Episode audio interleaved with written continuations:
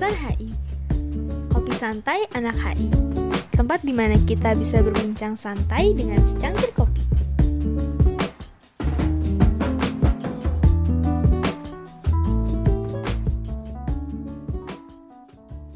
Assalamualaikum warahmatullahi wabarakatuh.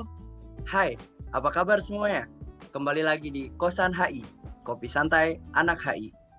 Tempat di mana kita bisa berbincang dengan secangkir kopi. Bersama gua Randika Sudrajat di sini, seorang mahasiswa Ilmu Hubungan Internasional Universitas Al-Azhar Indonesia angkatan 2019 yang bakal nemenin kalian di episode kali ini. Nah, di episode keempat ini kita nggak sendirian. Kita kedatangan bintang tamu yang wah luar biasa, masya Allahnya nih Bang Armor nih. Bisa dibilang sangat berpengalaman di bidang bisnis yang bakal nemenin kita ngobrol-ngobrol santai tentang bisnis. Teman-teman, dia merupakan seorang mahasiswa di program studi ilmu hubungan internasional Universitas Al-Azhar Indonesia, angkatan 2016. Walaupun begitu, statusnya sebagai mahasiswa aktif tidak menghambat Bang Armor nih buat berbisnis jadi selain menjadi mahasiswa, dia juga dikenal sebagai CEO dari CEO dari PT Bisnis Cukur Nusantara. Sekolah cukur dengan capster barbershop berpengalaman dan profesional. Nah, langsung kita sambut aja nih. Selamat datang Bang Armor Toreador. makasih, makasih Randika. Halo Komahi.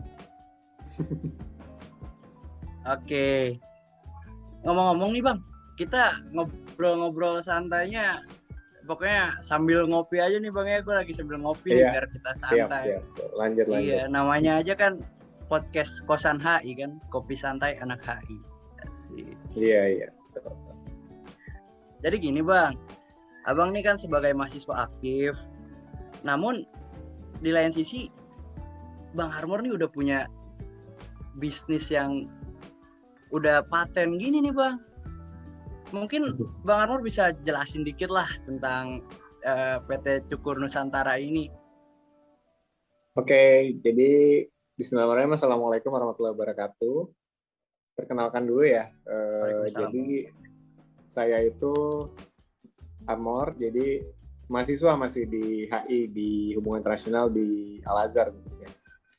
Uh, sebelumnya saya mau ngucapin terima kasih dulu nih buat Komahi. Keren banget. Sekarang udah punya program-program podcast yang millennials gitu ya kira-kira ya. Iya iya Pak. Oke, okay, jadi banget. mungkin kita bisa mulai sedikit tentang cerita gimana sih seorang mahasiswa HI itu bisa belajar bisnis itu berdasarkan pengalaman uh, gua gitu ya. Nah, yeah. jadi sebetulnya uh, bisnis itu ada relevansi dengan HI dan bahkan banyak sekali gue temukan ilmu-ilmu HI dalam sebuah bisnis gitu kira-kira. Uh, seperti contoh ada uh, misalnya teman-teman ada pada payung komahi gitu ya, atau dalam payung organisasi. Jujur gue juga dulu waktu SMA itu uh, aktif di organisasi karena gue waktu itu ketua OSIS. Jadi memang uh, dilihat dulu nih ke belakang ya kan. Di yeah, belakang itu dulu gue waktu SMA itu sering membuat program, kemudian juga uh, kita banyak melakukan aktivitas organisasi Nah, that's why itu sangat relevan dengan HI. Apa relevannya? Coba, apa relevannya dengan bisnis? Jadi sebetulnya bisnis itu adalah manage people. Jadi kita akan mengelola SDM-SDM atau manusia yang ada di sekitar kita. Mungkin kita punya bawahan, kemudian kita punya partner bisnis, gitu. Nah, eh, sama dengan organisasi. Di dalam organisasi itu kita manage people. Bagaimana ketua bisa mengelola bawahan, gimana bawahan bisa cekatan untuk menerima informasi dari atasan. Jadi sebetulnya uh, that's how di mana relevansi antara bisnis, organisasi dan khususnya uh, eh, HI gitu. Ini organisasi dulu nih kita masuk nanti ada juga ke HI. Jadi awal mulanya waktu itu uh, eh, gue sama sekali nggak kepikiran mau jadi bisnismen karena memang tujuan gue masuk HI itu gue bisa sukses di kuliah, kemudian gue bisa jadi seorang diplomat gitu. Tapi uh, waktu awal gue kuliah itu kebetulan gue tuh tipikal orang yang senang uh, memiliki pengalaman gitu misalnya kayak gue pernah magang di kafe untuk sekedar tahu bekerja gitu kemudian uh, gue juga sering banget menganalisa potensi-potensi apa yang kira-kira bisa gue jalanin dan gue senang gitu ngelakuinnya gitu. Nah singkat cerita, uh, gue juga memulai bisnis itu, gue pengen cerita dulu bahwa memang nggak langsung sukses gitu. Gue dulu awal kali bisnis itu bukan di barbershop, tapi dulu gue pernah punya kedai sate taichan. Kemudian after seven months itu close karena memang uh, tidak punya pengalaman bisnis yang intens dan proper gitu. Yang kemudian gue evaluasi, gue cari bisnis yang kira-kira mudah untuk dijalankan karena posisinya gue masih kuliah semester 1 kemudian juga apa namanya uh, gue juga harus menjalankan bisnis. Jadi gue cari uh, bisnis yang kira-kira mudah untuk dijalani karena gue masih punya tanggung jawab untuk kuliah itu kira-kira nah jadi waktu itu gue milih barbershop setelah gue bangkrut di Taichan itu karena memang menurut gue bisnis di barbershop itu mudah secara kasat mata. Dan ternyata setelah dijalani juga cukup mudah karena waktu itu ketika kita jalanin ketika gue jalanin bisnis barbershop itu itu hanya menggunakan CCTV kita udah bisa mantau gitu. Nah tapi kalau kita bisnis makanan kayak sate taichan itu kita kehilangan sambal satu sendok itu susah buat ngerekodnya gitu nah kalau misalnya barber kan kita cuma ngeliat berapa orang masuk itu bisa dipantau pakai CCTV jadi akhirnya gue berkecimpung di barber dan bisa meluas seperti sekarang itu karena yang pertama gue melihat gue bisa menjalankan bisnis ini sambil kuliah. Nah kira sampai sekarang ya alhamdulillahnya kita punya 15 mitra cabang barbershop dan tiga sekolah cukur di Indonesia. Gitu kira-kira. Wah masya Allah itu nggak sedikit loh bang. Iya betul. Alhamdulillah nah itu tuh uh, butuh waktu berapa lama bang untuk menjadi eh, punya mitra 15 mitra ya? Iya, iya mitra cabang mitra 15 total ya. Uh, kira-kira itu, butuh waktu berapa lama? I started from 2017. Jadi 2017 gue mulai this business. Jadi waktu itu kan gue masuk tuh 2016 kan waktu itu uh, yeah. ke UAI. Nah itu 2017 awal semester 2 itu gue udah mulai ngerintis bisnis. Jadi uh, usually start from that year gitu kira-kira. Wah, itu padahal uh, masih ada aroma-aroma mahasiswa barunya tuh ya Bang ya 2017. Iya betul. Makanya waktu itu waktu gue bangun bisnis itu itu nggak langsung sukses. Mungkin kan orang-orang tahunya gue yang sekarang. Tapi kalau teman-teman ya. lihat tiga empat tahun ke belakang waktu gue mulai bisnis itu kan gue sempat mengalami bangkrut juga waktu gue salah ngambil model bisnis kan kayak Taichan gitu karena memang ya, kita perlu banyak pengalaman sih untuk bisa sukses gitu terutama kita perlu evaluasi apa kesalahan kita di dalam bisnis itu harus diperbaiki terus gitu kira-kira oh uh, tapi bang dari tadi cerita lu barusan ada hmm. hal yang gue notice nih kalau nggak salah tadi lu cerita bahwa bahwasannya di dunia bisnis itu terdapat beberapa hal yang berunsurkan keilmuan HI. Itu benar apa enggak itu? Betul, betul, setuju banget. Dan gue merasakan itu. Gimana tuh bang? Kalau bisa dijelasin tuh. Oke, kita ambil contoh sederhana. Mungkin kalau kita ngomongin HI, uh, eh, we talk about negotiate, ya kan? Kita kan belajar tentang gimana cara negosiasi. Nah, ada pepatah bilang, a businessman is the silent marketer.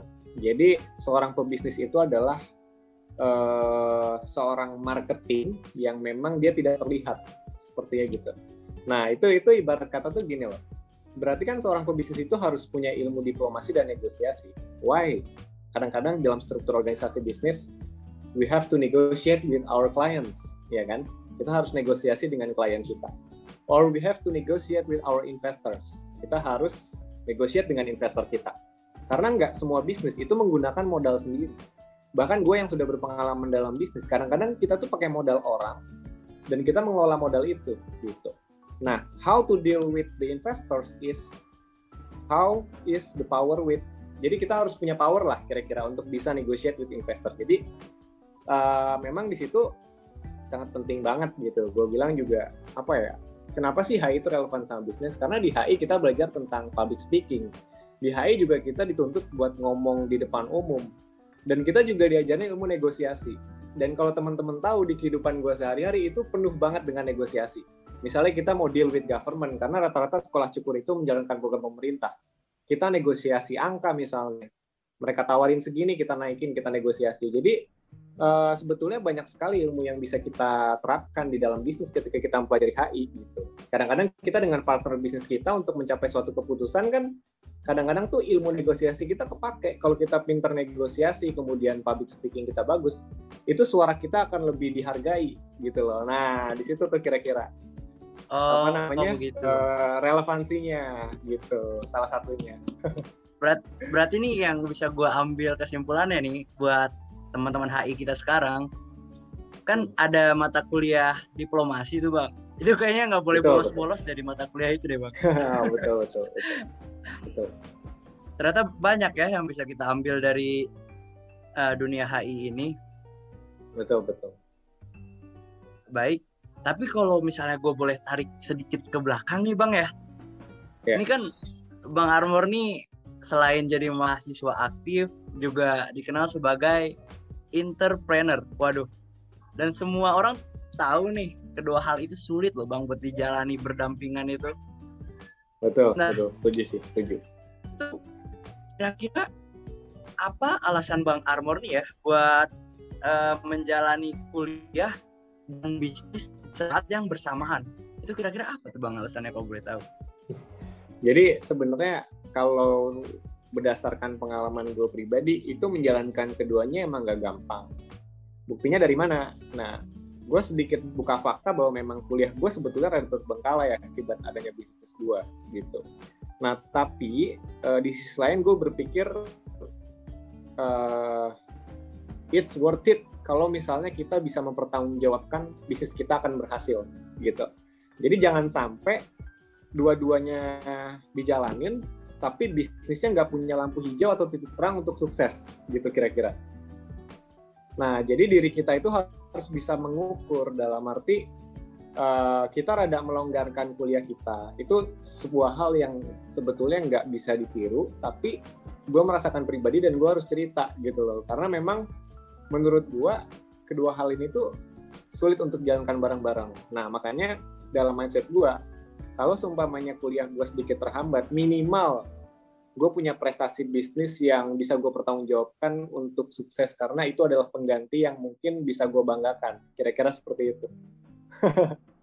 Tapi bukan berarti ditinggalkan. Gue tuh berupaya banget untuk bisa uh, tetap melanjutkan kuliah gue bahkan sampai lulus. Gue punya komitmen di situ. Tapi memang terkadang uh, dua hal itu nggak bisa jalankan bersama dalam waktu yang bersamaan. Kadang uh, eh, gue ada zoom kuliah tapi kadang juga ada zoom with clients atau mungkin bawahan gue gitu. Nah jadi di situ kita harus pinter ngebagi waktu sama ya, kita harus pinter memanage waktu sih sebetulnya gitu. Karena gue aja yang udah berusaha seperti itu masih uh, sering banget ketinggalan kuliah gitu kira-kira Randika. Oh jadi begitu ya bang. Berarti ya, emang benar uh, harus ada jaminan lah ya setidaknya betul, kita betul. punya jaminan yang kita pegang biar kita betul. tuh nggak nyesel ya kan betul. Nah. oh nih bang okay, uh, tapi kan tadi uh, bang Armor nih belum cerita sepenuhnya nih mengenai hmm, hmm. tantangan apa aja sih yang pas bang Armor temuin saat menjalani kuliah dan bisnis secara bersamaan. Oke. Okay. Jadi boleh banyak sih bang. tantangannya banyak banget terutama tuh sering banget bersinggungan soal waktu jadi uh, jujur gue sedikit cerita latar belakang bisnis gue dulu ya mungkin kan dari tadi belum ada yang notice detail gitu jadi di dalam PT Bisnis Suku Nusantara atau PT yang gue dirikan itu kita punya dua anak perusahaan jadi yang satu itu itu fokus untuk uh, konsultan uh, usaha barbershop. Jadi kalau misalnya ada orang yang mau usaha barber, itu biasanya kita bergerak untuk memberikan ilmu-ilmunya kepada mereka atau bantu ngebangunin barbernya, ngirimin SDM-nya kira-kira seperti itu. Nah, yang kedua itu adalah anak perusahaan yang kita namakan sebagai sekolah cukur atau kita sebut gampangnya itu barber academy di mana di dalam perusahaan ini kita itu banyak uh, mengajarkan pelatihan bagi para pengangguran Nah, pengangguran itu nanti kita beri skill dan kemudian kita salurkan kerja gitu. Nah, di mana nih di antara kedua perusahaan ini yang paling crowded? Nah, yang paling crowded itu saat ini sekolah cukur karena memang sekolah cukur itu pada saat ini dipercaya menjadi mitra pemerintah untuk mengadakan pelatihan bagi pengangguran. Jadi pemerintah punya anggaran nih, kira-kira gitu kan. Nah, anggarannya itu fokus untuk disalurkan ke pengangguran untuk diberikan keterampilan cukur. Nah, itu tuh pemerintah bayarnya ke kita. Jadi kita dibayar pakai APBD sama pemerintah, gitu. Nah, jadi sebetulnya kenapa sih tantangan seperti apa sih yang gue rasain? Kenapa sih itu begitu sulit gitu? Karena memang ketika kita bekerja sama dengan pemerintah, itu kita uh, bisa dibilang full project atau kita punya banyak waktu untuk uh, harus standby bisa dibilang seperti itu karena memang uh, ini mempertanggungjawabkan uang negara kan gitu karena kita dibayar sama pemerintah itu pakai uang APBD uang APBD itu berasal dari pajak rakyat yang otomatis juga kita sebagai pelaksana program itu punya tanggung jawab untuk memberikan output terbaik gitu. nah kadang-kadang tuh uh, waktu yang crowded yang memang harus kita buang untuk hal ini nih ngebuat gue rada susah buat fokus kuliah gitu. Nah misalnya ada Zoom dijadwalkan uh, jam sekian gitu ya.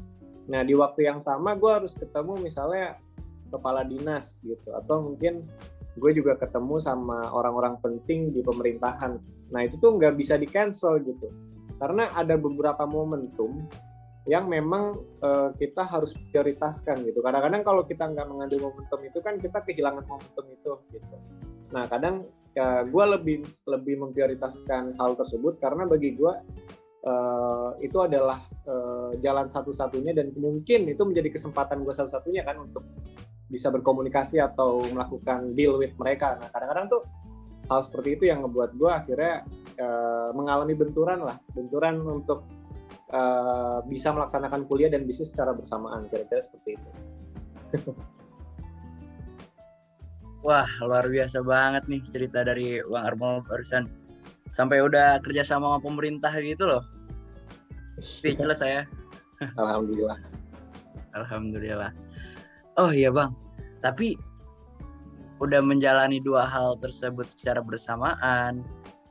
Dengar-dengar nih, Bang Armor juga udah punya istri nih bang udah nikah ya bang ya iya iya waduh gua gua maksudnya nikah muda soalnya jadi ini diceritain juga ini mau nanya pertanyaan ini wah boleh bang mungkin ini bisa menjadi inspirasi teman-teman kita semua ya jadi sebetulnya gini uh, nikah muda itu gue putuskan karena memang gue ngerasa pacaran itu nggak ada gunanya gitu. Nah ini nih yang harus teman-teman Waduh, tahu. gimana nih bang pacaran Aduh, itu nggak ada gunanya? Oke. Okay. Ah betul. Boleh kita kulik Ibarat lagi kata, lebih dalam nih bang.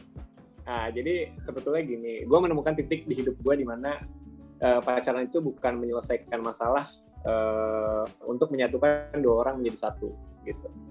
Uh, jadi menurut gue ketika seorang lelaki itu gentleman uh, dia akan maju untuk melamarnya dan menikahinya jadi bukan macarin gitu nah kenapa sih gue gue bisa narik garis kesimpulan seperti itu karena gini uh, ketika kita pacaran kita kan masih memiliki batas ya terhadap pasangan kita gitu nah kadang Bener tuh batas-batas batas-batas itu menimbulkan kecemburuan yang kadang-kadang menimbulkan konflik gitu Nah, gimana sih caranya memperkecil resiko kecemburuan? Ya lo harus nikah, karena dengan lo nikah lo nggak ada gak akan punya batasan lagi.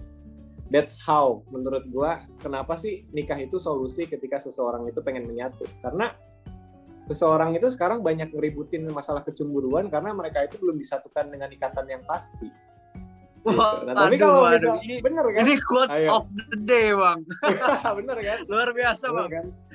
Bener, kan? Boleh Jadi lanjutin, kalau, Bang Nah, jadi kalau misalnya teman-teman ingin mengurangi rasa cemburu, kemudian teman-teman tuh pengen lebih pasti lagi untuk memiliki pasangan kalian ya kenapa nggak dinikahin? Karena itu adalah cara satu-satunya untuk menghilangkan kecemburuan itu. Karena udah memiliki sepenuhnya dong. Iya kan? Nah gitulah. Jadi dan juga waktu itu ketika gue punya niat nikah muda itu gue juga dibarengi dengan dorongan bisnis yang gue pacu gitu. Jadi sebetulnya selain dari ilmu agama, kemudian ilmu ekonomi itu harus kita siapkan matang-matang. Dan ketika sudah waktunya yakin nih diri kita itu, gue nggak menunda nggak menunda-nunda lagi sih. Jadi di saat gue mampu ya, why not gitu kan. Jadi ya akhirnya gue gas terus. Wah, ini benar-benar inspiratif banget sih, Bang. Gila, gila. Eh, Jadi eh gue menurut gue sih gue setuju sih bang. Ada beberapa statement yang lu sebutin tuh gue setuju banget. Kayak eh lelaki gentle itu yang langsung ngelamar bukan lewat jalur pacaran soalnya pacaran itu emang masih ada gapnya ada batas tertentu bang ya betul ya betul. itu gue setuju sih sama statement lu yang itu iya betul Wah, luar biasa nih Bang. Mungkin teman-teman sekalian bisa eh, cerita Bang Armor ini bisa jadi inspirasi buat kita semua ya. amin Yang- amin Biar Bang Armor dapat Iya. pahalanya juga nih, teman-teman. Iya, amin amin amin, amin. Kita boleh lanjut nggak nih, Iya. Bang? Lanjut Oke, kita lanjut ya. terus Nih, sekarang kita eh, lanjut ke mengenai sekolah cukur nih. oke Nah, noted. Terus. jadi eh, kemarin-kemarin nih karena saking gue penasaran ya sama sekolah cukur yang eh, milik lu ini bang ini gue sampai Hmm. stalking stalking gitu bang ya biasa lah Iya, oke. namanya anak muda ya Iya. kan Iya.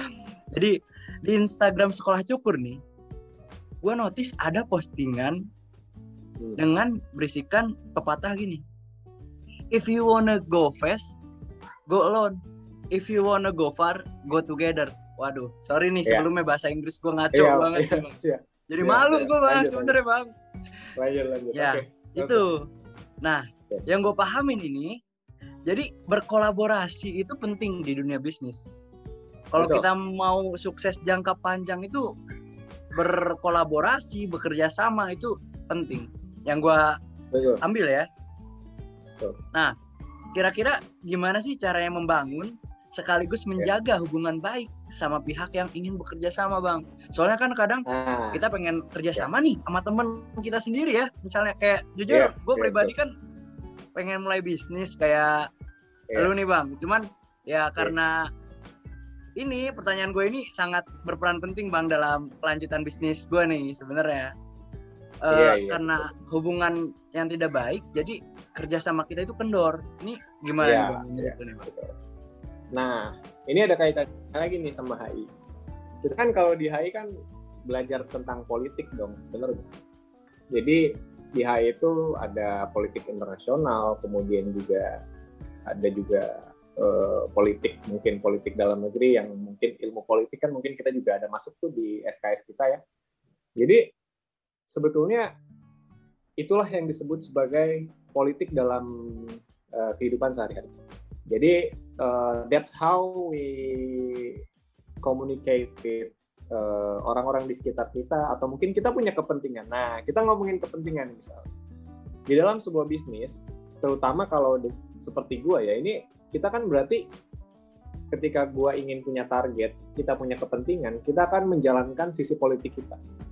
Politik ini dalam arti apa? Kita akan seolah-olah tuh melakukan pendekatan untuk bisa deal with government misalnya itu terjadi di dalam real- eh, realita yang gue alami.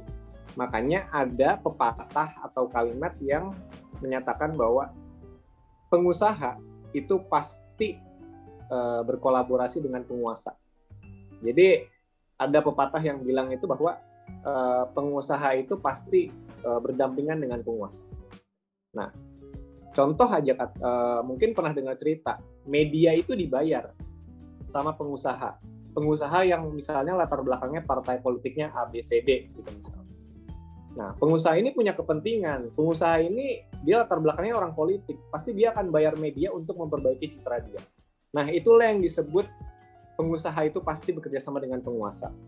Nah, makanya kalau misalnya tadi kita bilang gimana sih cara menjaga hubungan baik atau mungkin gimana sih cara kita mencapai target kita Nah, itu memang ada sisi politik yang memang dijalankan oleh seorang pengusaha pastinya gitu. Apalagi seperti gua, gua udah deal with government.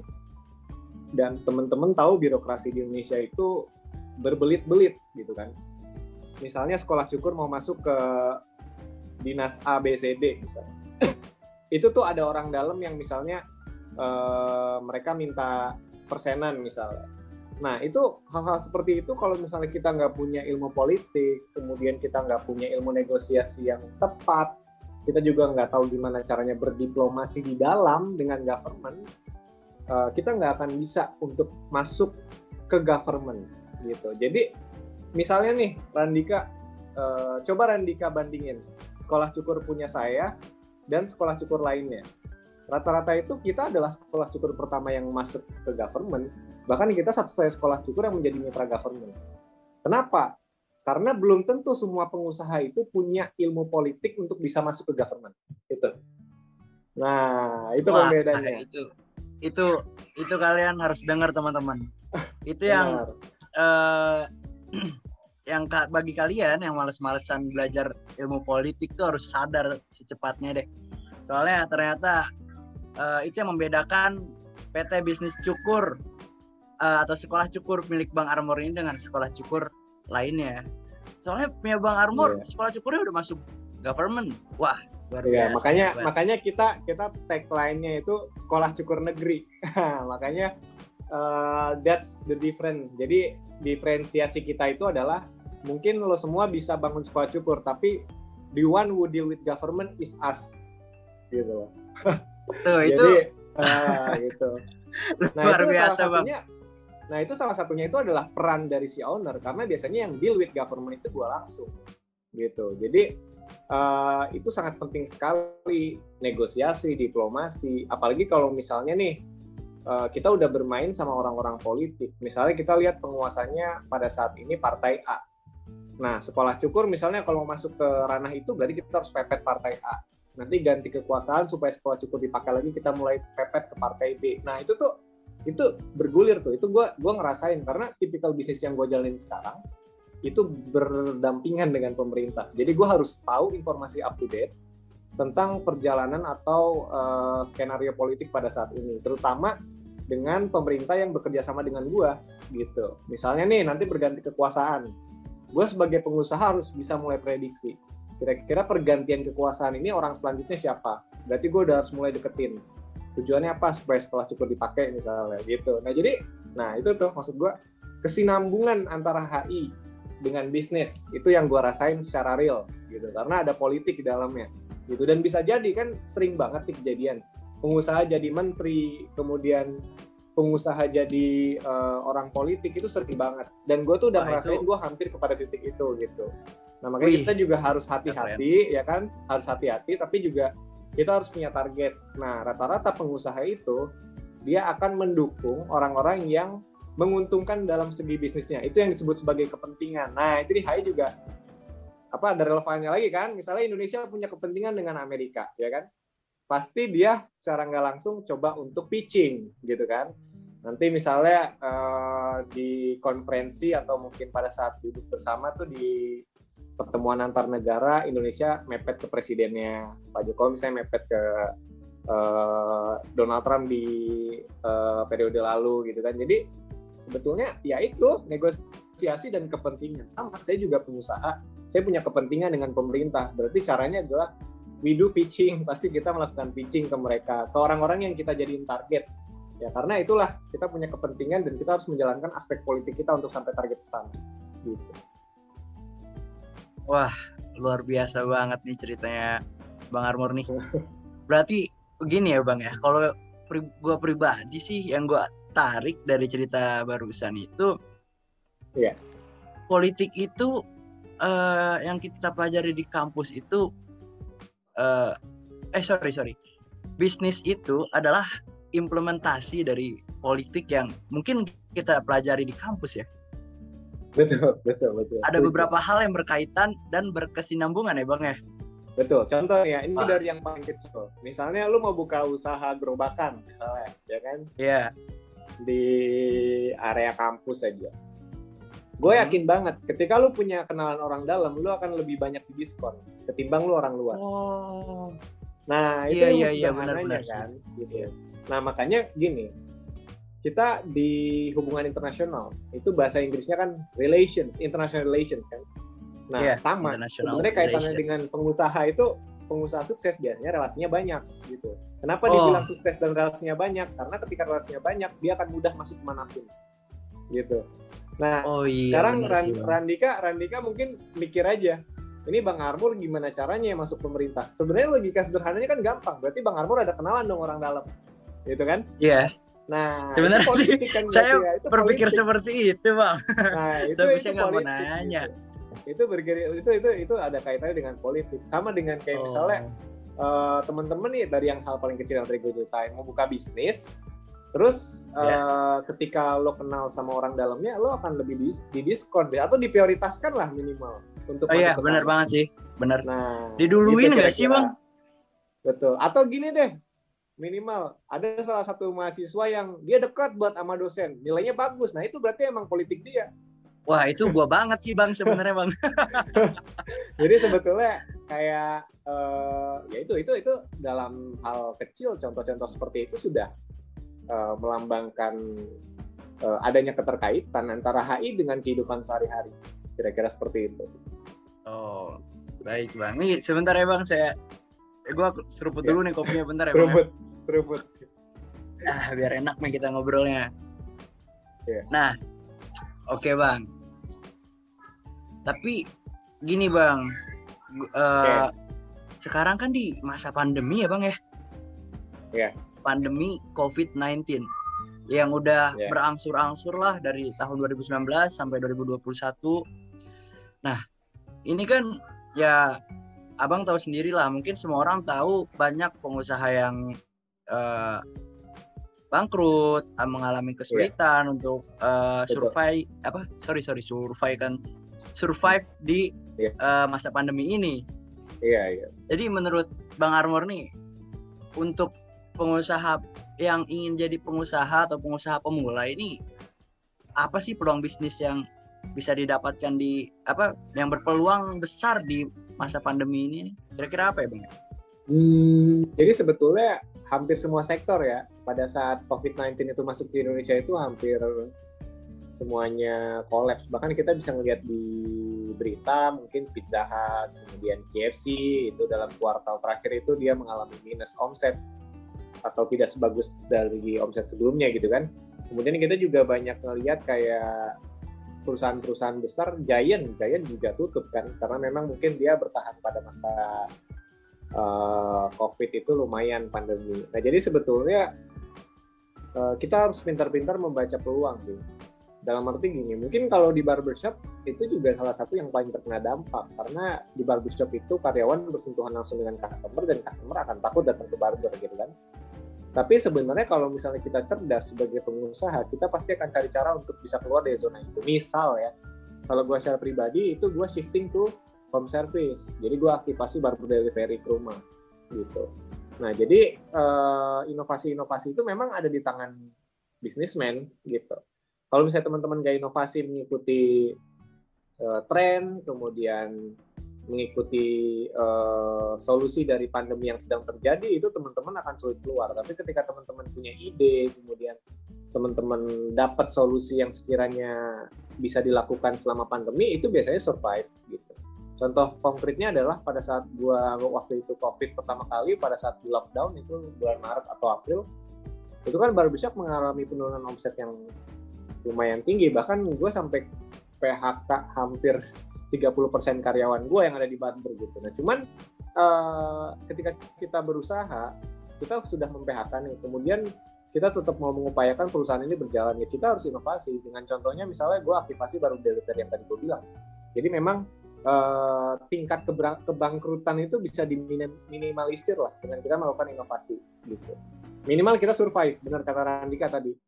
Nggak profit tapi survive lah gitu. Atau profitnya kecil tapi survive gitu nah makanya akhirnya waktu itu kalau dari bidang yang gue jalani itu gue shifting to delivery dan sekolah cukur itu malah panen di saat pandemi. Kenapa? Karena di saat ini di pada saat momentum ini pengangguran dan PHK terjadi di mana-mana dan rata-rata mereka yang menyambung hidup itu perlu keahlian gitu. Nah sekarang kalau misalnya mereka masuk sekolah cukur kan setelah lulus mereka cukup cukur panggilan. Beli alat bawa tas pakai motor dia sebar brosur nyukur tetangga atau saudaranya itu bisa jadi sumber penghasilan. Jadi sebetulnya eh, sekolah cukurnya naik meskipun barbershopnya turun ya tapi sekolah cukurnya malah punya demand yang banyak. Bahkan pada saat ini juga masih banyak korban PHK yang eh, mereka belum punya keahlian dan mereka bingung caranya buat menyambung hidup. Nah makanya sekolah cukur itu dia dibuat itu untuk memberikan keahlian bagi para pengangguran. Makanya pengangguran itu ketika mereka punya keahlian kan mereka bisa menyambung hidup karena nyukur tetangga atau temennya itu bisa dapat jadi uang kan karena mereka punya keahlian buat nyukur gitu sih kira-kira kalau di bisnis gua Wah, keren banget sih. Mungkin uh, kita bisa belajar banyak lah dari cerita Bang Or Bang Armor barusan ya. Nah, uh, terakhir nih Bang. Oke. Kira-kira mungkin Bang Armor ada pesan buat teman-teman HI yang mau memulai bisnis. Mungkin, mungkin Bang Armor ada sepatah dua patah kata gitu kan, biar Apa makin ya? jos nih teman-teman kita nih. Yang penting sih kalau menurut gua ya don't forget to execute karena biasanya orang-orang itu dia punya ide, dia mau mulai bisnis tapi mereka nggak berani untuk menjalankan gitu. Nah, yang akan berhasil itu rata-rata yang mengeksekusi, bukan yang memberi ide saja gitu. Kadang-kadang kita punya ide tapi kita nggak eksekusi, bisnisnya nggak akan jalan. Atau mungkin udah dieksekusi rugi, ya itu resiko. Nah, makanya sebetulnya eh, kuncinya adalah jangan takut untuk memulai itu yang paling penting kalau misalnya teman-teman emang yakin itu teman-teman harus berani untuk mengeksekusi karena ketika bisnis itu rugi itu adalah bagian dari perjalanan bisnis yang harus dinikmati kira-kira seperti itu gitu Wah luar biasa. Itu kalian harus dengar teman-teman. Dan ini jujur pribadi, gue pribadi ini banyak loh yang bisa diambil dari cerita lu nih bang buat inspirasi gue untuk ke depannya lah. Ya minta doanya aja bang buat teman-teman semua ini bang. amin amin mudah-mudahan lancar Amin. Waduh, sebenarnya masih banyak banget nih yang bisa kita obrolin. Soalnya dari cerita Bang Armor barusan tuh banyak banget yang bisa kita ambil.